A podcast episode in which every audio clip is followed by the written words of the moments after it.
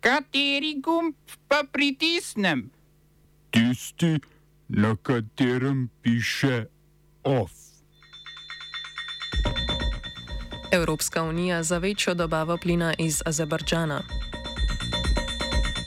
Začetek pristopnih pogajanj Severne Makedonije in Albanije z Evropsko unijo. Vlada sindikatom javnega sektorja predlaga 4-odstotni dvig vrednosti plačnih razredov.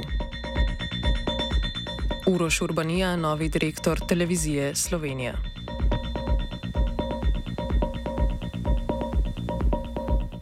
Predsednica Evropske komisije Ursula von der Leyen in azerbajdžanski predsednik Ilham Alijev sta podpisala dogovor, po katerem naj bi do leta 2027 Azerbajdžan podvojil dobavo plina v Unijo.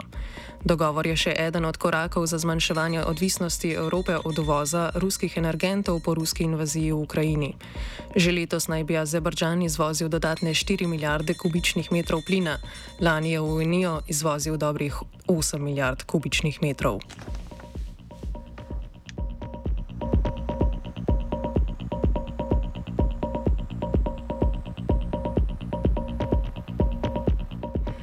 Dogovor predvideva tudi povečanje kapacitet južnega plinskega koridorja, ki poteka od azerbajdžanskih plinskih pol v Kaspijskem morju preko Gruzije in Turčije v Grčijo ter na zadnje Italijo.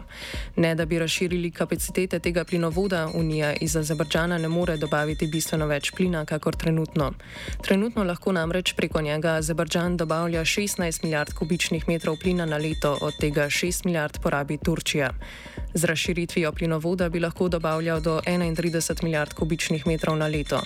Iz Rusije so države Unije lani uvozile kar 155 milijard kubičnih metrov plina, Azerbajdžan bi torej lahko pokril le majhen delež plinskih potreb Unije.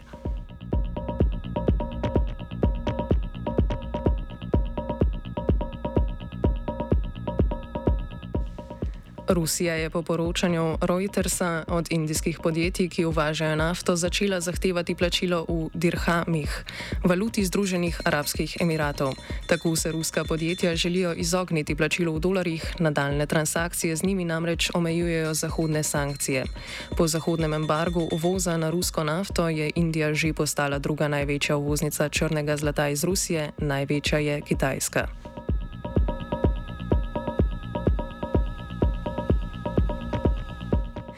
Severna Makedonija in Albanija začenjata s pristopnimi pogajanji z Evropsko unijo. Simbolni začetek pristopnih pogajanj sledi odločitvi makedonskega parlamenta, da podpre francoski predlog razreševanja sporov z Bolgarijo. To sicer še ne pomeni, da Bolgarija ne bo mogla blokirati makedonskega vstopa v unijo, saj se bosta o odprtih vprašanjih državi pogajali bilateralno. Poleg tega bo moral makedonski parlament spreminjati ustavo, za kar koalicija socialdemokratov nima podpore dovoljšnega števila poslancev. Sever Severna Makedonija ima status kandidatke za članstvo od leta 2005, takrat še kot samo Makedonija, Albanija pa je ta status pridobila leta 2014. Pogajanja bodo osredotočena na notranji trg, konkurenčnost, zeleni načrt, kmetijstvo, kohezijo in zunanjo politiko. Ključna tema pa bo vladavina prava.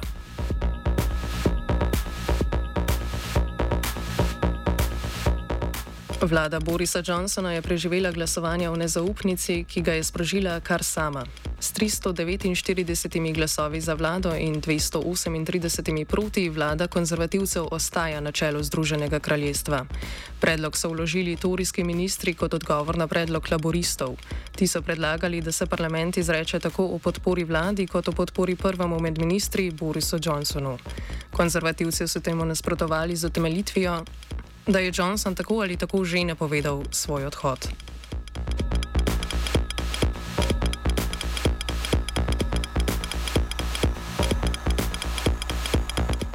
Johnsonovega naslednika bo konzervativna stranka predvidoma izbirala do septembra.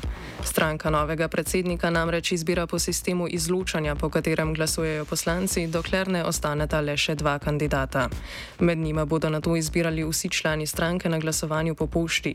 Po treh krogih izločanja v bitki ostajajo še nekdani finančni minister Rishi Sunak, ki velja za favorita, nekdanja ministrica za lokalno samoupravo Kemi Badenoch, ministrica za trgovinsko politiko Penny Mordon in zunanja ministrica Liz Truss.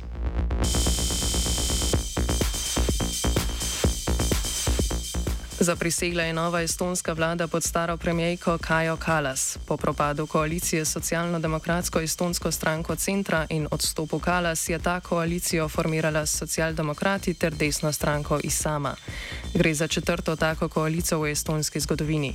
Kljub številčni promoči vodilne liberalne estonske reformne stranke v parlamentu je vsaka izmed strank v novi vladni garnituri prevzela pet mest. Nova koalicija se je v koalicijski pogodbi zavezala, da se bo v naslednjih osmih mesecih do rednih volitev osredotočila na področje varnosti, izobraževanja in gospodarstva.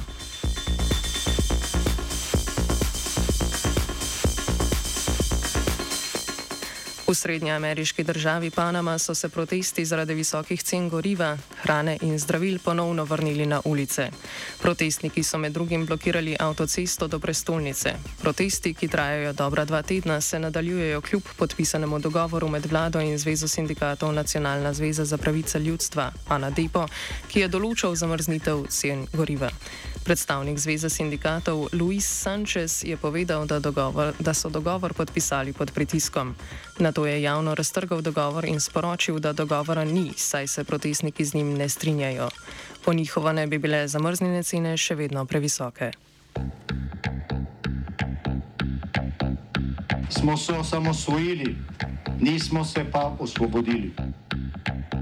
Naslednje število je še 500 projektov izpiljene modele, kako so se strani nekdanje LDS rotirali. Ko to dvoje zmešamo v pravilno zmes, dobimo zgodbo o uspehu. Takemu političnemu razvoju se reče udar. Jaz to vem, da je nezakonito, ampak kaj nam pa ostane? Brutalni obračun s politično korupcijo. To je Slovenija, tukaj je naša zemlja, to je Slovenija, Slovenija, Slovenija. Generalni direktor RTV Slovenija Andrej Grah-Watmov je za direktorja televizije Slovenija imenoval Uroša Urbanijo. Urbanije je med zadnjo Janševo vlado opravljal funkcijo direktorja vladnega urada za komuniciranje. Na tej funkciji je tudi uvedel analize poročanja na RTV. Imenovan je bil kljub nasprotovanju novinarskih sindikatov, ki izpostavljajo njegovo političnost in pristranskost. Urbanija očitke, da je prišel direktno iz politike, zanika. Ne, to ste se zmotili. Eh, ne prihajam iz politike, mesto direktorja UKOM-a je strokovna uh, pozicija in eh, ne politična. Svojo strokovnost utemeljuje z novinarskimi izkušnjami. Med drugim je namreč opravljal delo odgovornega urednika na televiziji Nova 24. Ob imenovanju je predstavil tudi dobro poznavanje programske scheme in poglobljene načrte za prihodnost. Uh, lejte, kot vem, Studio City še ni izginil, je na programu, tako da ne bi uh, tukaj, kaj bomo, kaj ne bomo, treba je pogledati, kaj je bilo dobro narejeno in tisto, kar je bilo dobro, je treba nadaljevati. Če so bile pa seveda kakšne napake, ki se evidentno kažejo kot napake, uh, pa se je treba tudi pogovoriti in popraviti zadevo. Sindikati njegovo imenovanje dojemajo kot škodljivo za javno RTV, svobodo govora zaposlenih in za demokracijo v Sloveniji. Nadaljujejo se vladna pogajanja s sindikati javnega sektorja. Vlada je na seji pogajalske skupine predlagala dvig vrednosti plačnih razredov za 4 odstotke. To je polovica napovedane inflacije za letošnje leto po napovedih Urada za makroekonomske analize. Ministrica za javno upravo Sandra Ajanovič-Hovnik je sporočila, da vlada od predloga ne bo odstopila, saj gre za maksimalna sredstva, ki jih lahko zagotovijo. Po predlogu bi bile više plače prvič izplačene septembra. Sindikati so sicer predlagali 12-odstotni dvig, a so zadovoljni, da je vlada sploh predstavila resen predlog. Na zadnjih pogajanjih je predlagala le enkratni draginski dodatek, ki, ki so ga sindikati ocenili kot nesprejemljivega.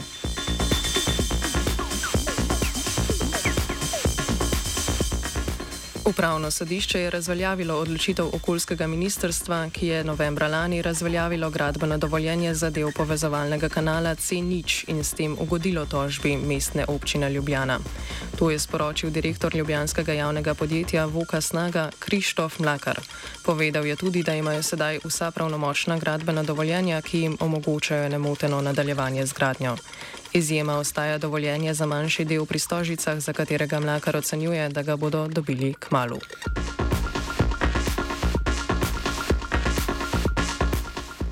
OF je pripravil Blaž.